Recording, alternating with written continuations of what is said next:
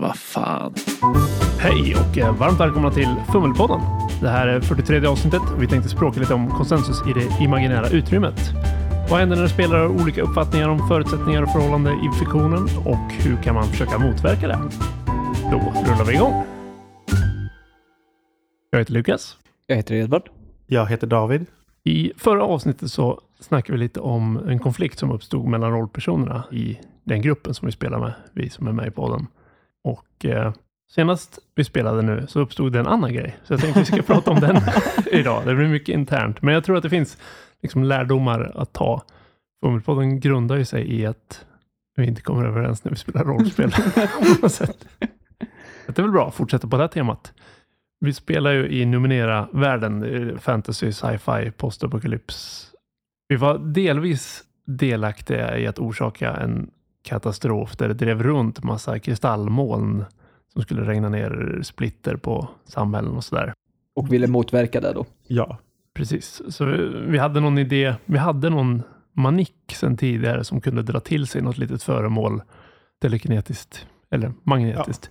Så fick vi för oss att om vi trimmar den med någon form av kraftkälla vi har som ett supermäktig kraftkälla, då borde vi kunna trimma den till att dra åt oss den här molnen och släppa ut dem över havet.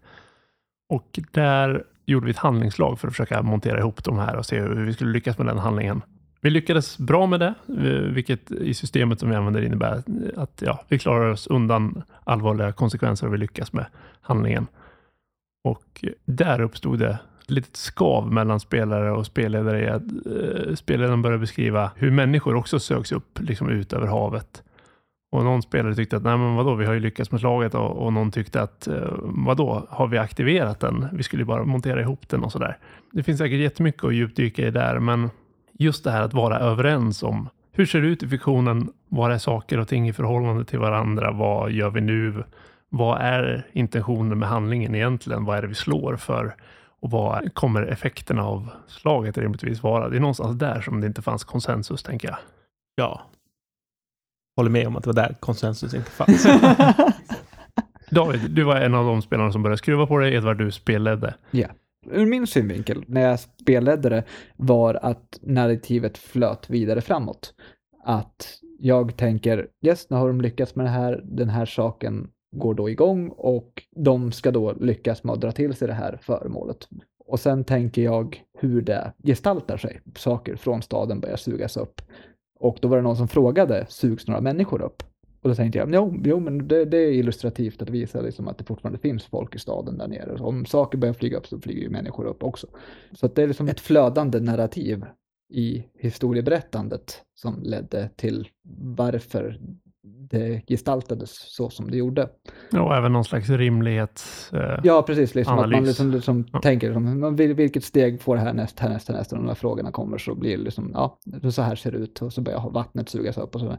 Så att jag fortsätter ju i stort sett bara berätta till den punkten att någon liksom säger hur de handlar härnäst. Och därmed hade jag hunnit för långt och även då beskrivit för mycket ur spelarnas synvinkel, för de skulle gärna vilja ha stuckit in, in tidigare och liksom fått andra utfall utifrån att de skulle ha agerat tidigare. jag är inte säker på att det är det som är grejen. Men David, vad har du för tankar? ja, alltså så här, min upplevelse av situationen var att diskussionen var okej, men ska vi koppla ihop den här? Det var en, en dramatisk grej, för vi visste inte om vi skulle klara det och, och det var så här, ja men om vi kopplar ihop den kanske vi exploderar eller, eller ja, Och det var vi överens om att om vi dör nu, då, då gör vi det. då, ja, då är vi med vi ska på det. koppla ihop den här domedagsmaskinen med en liten mackapär vi har hittat. Ja, och, och, liksom, och, och, och hela narrativet var okej, är ni okej med att vi gör det här? Är det vi som är offren? Och sen så slog vi slaget och allting gick bra, det blev ihopkopplat. Och sen därifrån så känner jag att jag som spelare helt tappade för kontrollen över vad vi gjorde. För att det är helt plötsligt så, ja men nu håller vi på att döda massa andra människor här. Bara för att vi har kopplat ihop den. Det var ett sånt stort kliv från Mm. Det ena till nästa konsekvens av handlingen. Yes. Så att ur din synvinkel hade du ju gärna haft ett avbrott där efter att liksom slaget lyckats, maskinen fungerar teoretiskt.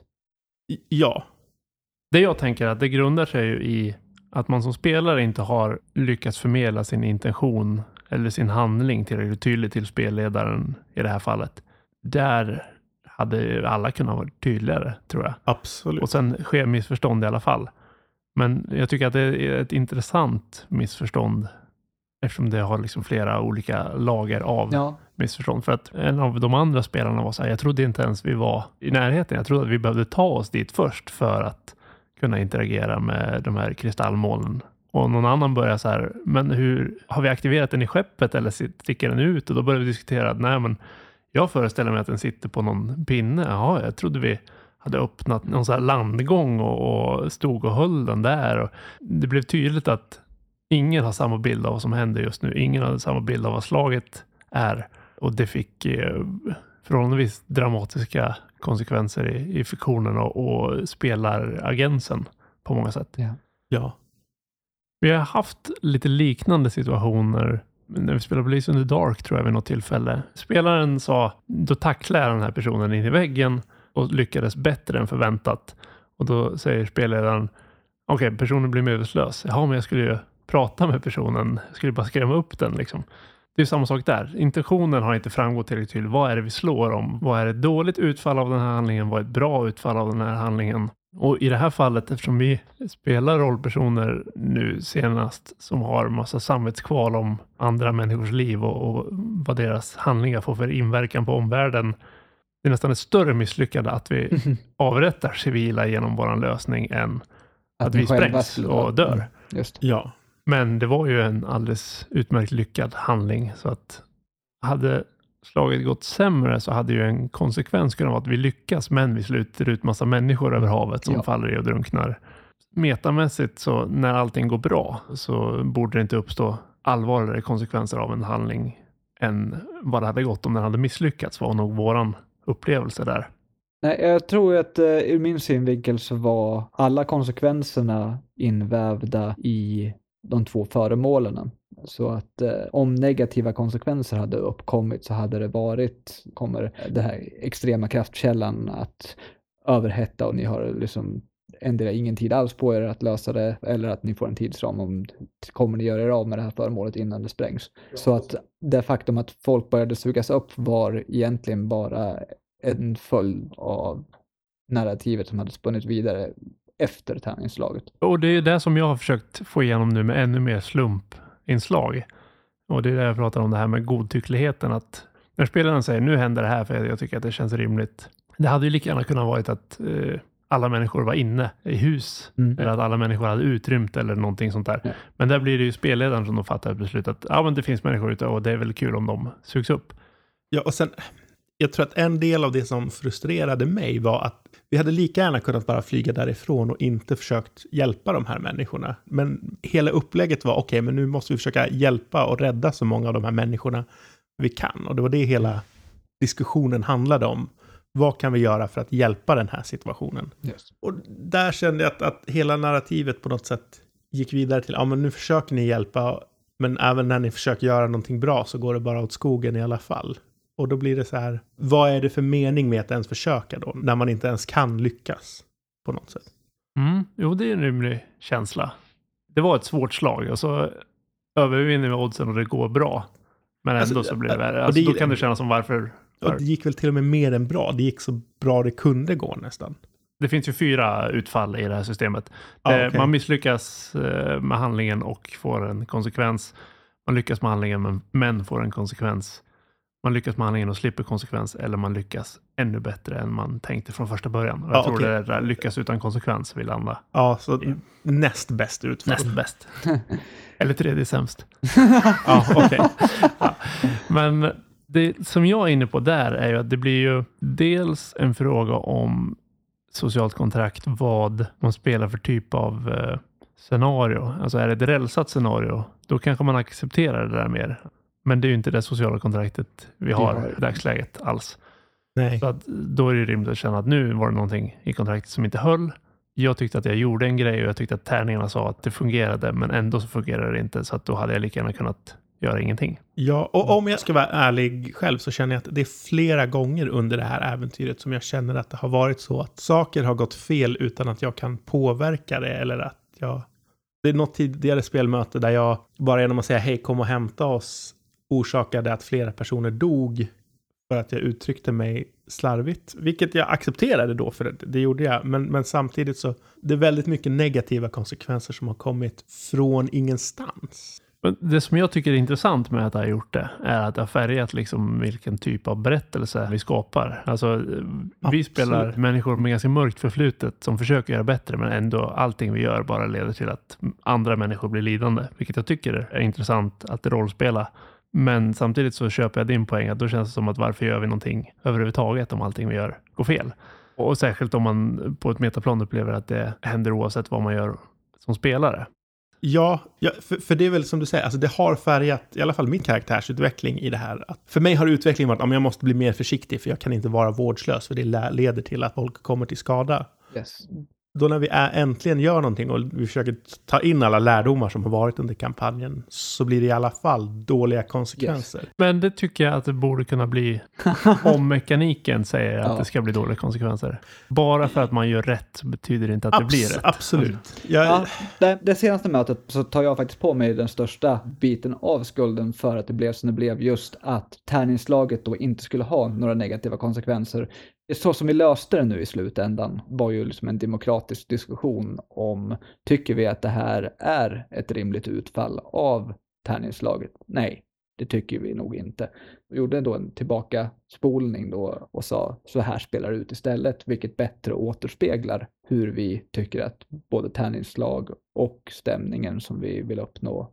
Och jag som SL tyckte det var, som, det, det var en bra lösning för att alla skulle känna sig mer nöjda. Det hade varit att föredra att man inte hade behövt göra det, men jag tycker att det är nog bättre än att man ska sitta och känna sig missnöjda. Jag, jag Ja. tycker fortfarande att vi inne dels på att utforska systemet och dels att utforska vår spelgrupp. ja. För jag tycker det är nästan positivt att sådana här grejer händer. Dels har vi podcasten och dels så, så lär vi oss saker som vi kan omsätta i praktiken för att göra spelupplevelsen bättre i framtiden. Ja. Så jag tycker inte att det finns något problem med att det hände. Nej, och jag, jag ser inget problem med att det blev en diskussion och jag ser inget problem med lösningen som vi kom fram till. Jag, Mm. Mm. Och det känns lite grann som att jag sitter och säger, ja men det här var fel och det här gjorde du fel och det här bla bla. Och det är inte rättvist heller, för det är bara mina upplevelser från mitt perspektiv jag kan dela med mig av. Ja, och jag har helt och fullt förtroende för att när sådana här saker uppstår så är det ju med välvilja. Alltså i ditt fall, eh, Edvard, nu, du vill förmedla vad som händer i världen. Du, du vill göra intressanta effekter av våra handlingar och du vill berätta och hålla oss engagerade i vad som pågår i fiktionen. Jag har spelat med spelledare som är så här, aha, nu gjorde ni fel, nu ska jag straffa er så att ni eh, sitter och skäms. Det var inte den upplevelsen jag Nej, hade nu alls. verkligen, verkligen inte. Men jag upplever att det här är en fråga om ton på många sätt. Om vi skulle ha mer gemensam uppfattning om vad, vad är villkoren för handlingar i det här spelet eller vad är konsekvenser i det vi spelar nu? Hur beter man sig? Vilka situationer kan uppstå och sådär? Då tror jag också att vi skulle motverka lite sånt här. Ett exempel är ju då om vi ser oss som hjältar i historien och att vi ska rädda oskyldiga. Är det en rimlig konsekvens att oskyldiga alltid kommer till skada? Eller är det rimligt att så länge allting går bra så blir inga civila skador så länge vi inte gör dumma saker? Det är aldrig vårat fel att eh, människor råkar illa ut. I en Disney-saga tror jag inte att civila människor hade dött på grund av att någon gjorde ett aktivt försök att rädda dem. Men i en eh, krigsfilm, absolut. Ja. Så det beror helt och hållet på vilken ton man tänker sig i spelet. Ja, sen så är väl jag beredd att hålla med om att det som hände och det som beskrevs som narrativet stämmer ju in ganska mycket på tonen vi har haft i övrigt i kampanjen. Ja, men jag tycker ändå att det finns en eh, nyansskillnad i ton. En har uppfattningen att det är ganska gritty realism. Om det finns minsta risk att oskyldiga dör så kommer oskyldiga dö. Och någon annan tänker att om vi beter oss knepigt då kommer oskyldiga dö. Men så länge allting går bra och vi gör rätt så är det liksom solsken och regnbågar. Ja, Och någon kanske tänker att det viktiga är den interna kampen, utforska rollpersonen moraliskt. Och någon annan tänker nu ska vi emulera världen och vad som händer. Mm. Jag var nog inne på det spåret med emulering av världen, just att kraftkällan ni då har kopplat in är för kraftfull för det syftet. Liksom just därför vill jag beskriva att staden började slita sönder samtidigt som ni gör det. Liksom, det här är inte tänkt att användas på det här sättet och därav. Ja, det, det förstod vi nog innan också. Ja. Men jag tycker inte att det behöver vara fel överhuvudtaget. Det var nog bara, jag tänker att det har att göra med att vi inte hade konsensus helt om ton. Yes. Och inte konsensus helt om mekanik heller, eller om intention eller positionering i fiktionen. Så det var många saker som spelade in nu. Men jag tror att vi spelare föreställde oss någon slags hjältemodig vändning. Vi hade Mm. agerat själviskt och folk hade kommit till skada och vi hade varit lite fega i vissa tillfällen och folk hade kommit till skada. Och nu var vi beredda att offra allt bara för att rädda människor som vi aldrig ens hade träffat. Och så dog de i alla fall. ja. Ja. Och det kan ju vara ett intressant narrativ på många sätt också. Problemet är ju att man då inte spelar vidare som hjältar efter den punkten troligtvis. Att det blir en blanket över eran. Alltså helt ärligt, jag är ny på att spela så här eh, immersionssigt. Mm. Som jag gör med den här karaktären. Och helt ärligt, om det skulle ha gått så så tror jag inte att min karaktär skulle... Velat fortsätta. Nej, nej alltså han är väldigt nära branten att bara ge upp. Så att jag tror att det också gjorde det extra jobbigt för mig som Mm. spelare. Och där kan man ju ta någon slags ansvar som spelare då att se till att hålla den borta från branten även om man är immersionsspelare. Liksom. Ja, Men som spelare är man ju tacksam om man slipper börja tumma alldeles för mycket när man immersionsspelar på vad som är rimligt att karaktären gör härnäst, alltså hur karaktären utvecklas och sådär. ja. Men jag tror som sagt att det är det sociala kontraktet och att prata med varandra som är lösningen på alla Alla Problem. problem. Men det som är intressant tycker jag är att i det vi spelar nu så är allting ganska mycket ångest och, det, det är civila människor som dör och sådär. Medan vi spelade en avstickare med andra rollpersoner i samma värld och samma system nyligen. Och där var det ganska glatt och glättigt och, och som värst var det någon civil som åkte på stryk. Men det är ändå samma mekanik och samma värld och samma spelare. Men vi har aldrig diskuterat hur tonen ska vara inför de spelen. Nej. Det har fått bli som det blir utifrån de rollpersoner vi har gjort och utifrån vilket scenario en spelledare har tänkt. Ja, och det där är ju intressant för att jag tror absolut att det är värdefullt att kunna prata om det innan. För om en av de här glada och glättiga karaktärerna från den andra kampanjen skulle dyka upp i den här kampanjen så skulle det bli en väldigt konstig slitning tror jag. Ja, Men det är lite som olika regissörer som skulle regissera Marvel-filmer. Att, liksom, att ta en karaktär från något annat är svårt. ja, jag skulle till och med vilja dra det längre att om du slänger in Ant-Man i Watchmen och vice versa. Men jag tror att i vår spelgrupp så är det en slump vad tonen blir. Det är kopplat till settingen, till systemet och eh, kanske framförallt till rollpersonerna och scenariot. Men det blir lite som det blir. Jag tror att vi skulle ha nytta av att diskutera vad är liksom förutsättningarna för det här spelet. Vad är okej att göra som spelare och rollperson?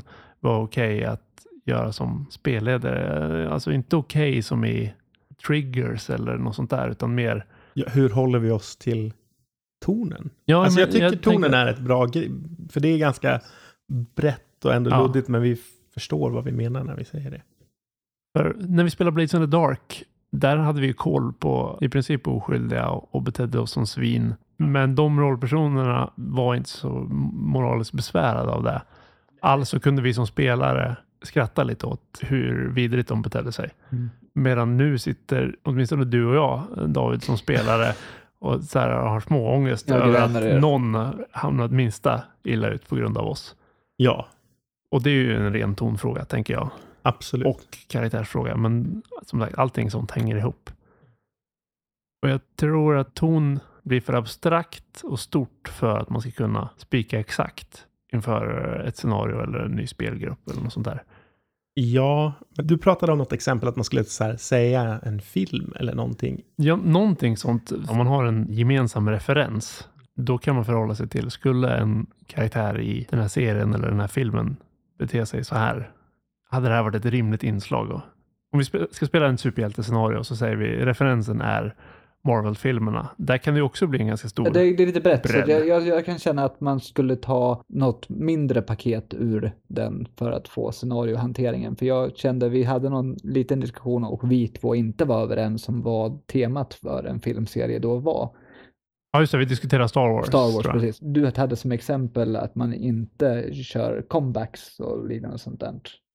Ja, man håller inte på och driver med skurkarna i Ja. Star Wars. Medan Ett exempel på det är ju Last Jedi-introt. Ja, där någon drar ja, till mamma precis, skämt. och Då precis. bara, vad fan är det som pågår? Det här hör ju inte Precis. ihop. Fast alltså, jag håller nog inte med. Nej, och det var, alltså- det, det var det jag också kände, att för att även i Return of the Jedi, alla tre prequel-filmerna, Men jag menar om någon hade knät Darth Maul i skrevet och han hade liksom stirrat i kors, då hade man tänkt att Ja, det här nej. hör inte hemma. Nej, nej, det är... Eller Men om det de gör- Ewoken hade bankat Darth Vader i huvudet och så hade det blivit ett klonkljud. men Grievous, han, förlåt Niklas-karaktären, de gör de ju narr av. Det är liksom några få helgade bovar i stort sett som man inte gör narr av. Jag håller med. Så här, Luke Skywalker skulle aldrig håna eller skoja med Darth Vader. Men Han Solo skulle Ja, kunna precis. göra Det det. är det jag också känner att liksom det finns ett spektrum Fast, man fast går om närmare Han in. Solo skulle håna Darth Vader så skulle han liksom få betala för det. Han Mm. skulle inte vara tuff i det scenariot. Nej, Han, absolut. han skulle bli fullkomligt överkörd. Ja, Det är en sån här Star Wars-grej. absolut. Men man kan få stormtroopers att springa in i varandra utan Ja. problem. Det, det funkar. Men, Men, men, det är väl det, alltså, men det är väl det jag tänker också. Ton är ju en skala. Alltså, det är ju Ja. skillnad mellan Star Wars och Deadpool till exempel. Det är ju ett spektrum ändå. Ja, det är många spektrum. Ja, exakt. Och, och sen så kanske Star Wars är ett för brett... Det, det Kanske, här- men, men jag tänker ändå om vi skulle säga att tonreferensen är Star Wars så skulle det räcka sjukt långt för att vi skulle fatta ungefär. Ja. Jo, det skulle, konsekvenserna. nog, det skulle nog hjälpa mer än vad det stjälper i alla Och fall. jag menar Ja. till och med när de spränger Alderon, det är ju väldigt dramatiskt och sådär. Ja, Men det är ju inte närbilder på spädbarn som slits i stycken, utan Nej. det är en planet som puffar från rymden. väldigt liksom. opersonligt. Bara för att visa hur otroligt onda ondingarna är. Exakt. Så att det, jag säger inte att Star Wars är den ultimata referensen, men jag tror ändå att man kommer tillräckligt nära, även om det finns gråzoner. Så om man ger någon form av referens så kommer de flesta vara ungefär. Ja, för det På är samma ingen som, bana. om man säger Star Wars så är det ingen som kommer spela Schindler's List-karaktärer. Nej, nej det blir konstigt. För det, det är lite så jag känner att, att tonerna är i våra två olika kampanjer. Den ena är mer Star Wars eller Indiana Jones och den andra är mer, ja, kanske inte Schindler's List, men nära på.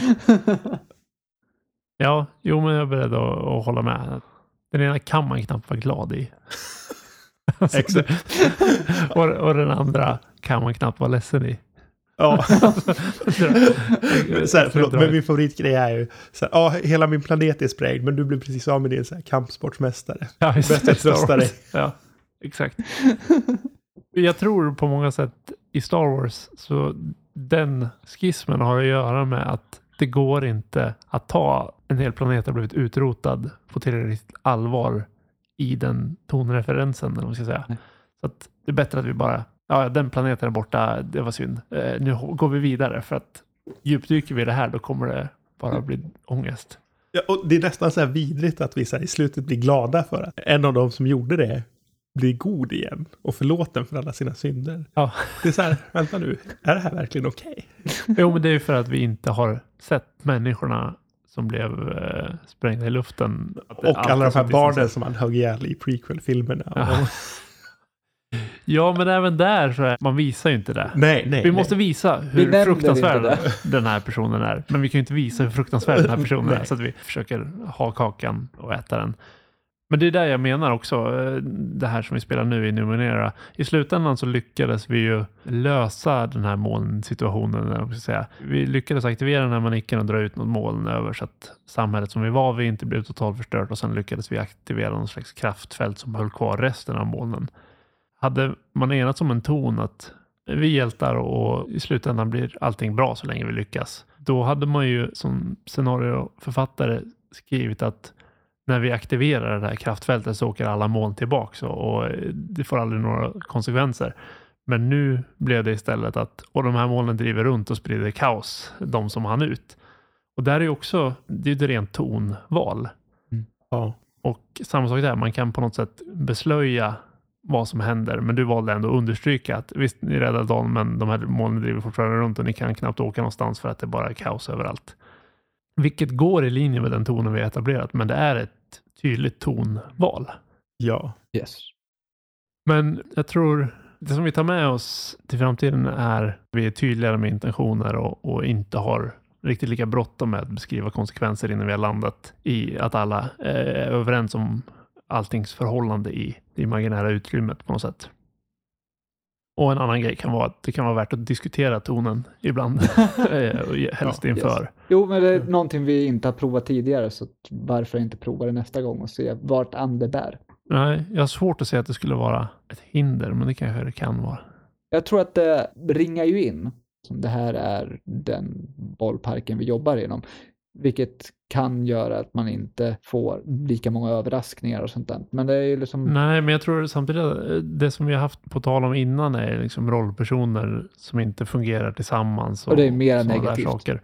Och jag tror att tonen kan vara en viktig del där också. Om det är någon som har gjort en samvetsplågad person och någon som har gjort en lättsam skojare. Det kan bli intressanta narrativ av, av liksom när den lättsamma skojaren verkligen behöver möta allvaret i världen och det kan bli ett intressant narrativ när liksom den samvetstyngda lär sig att förlåta sig själv och sånt där.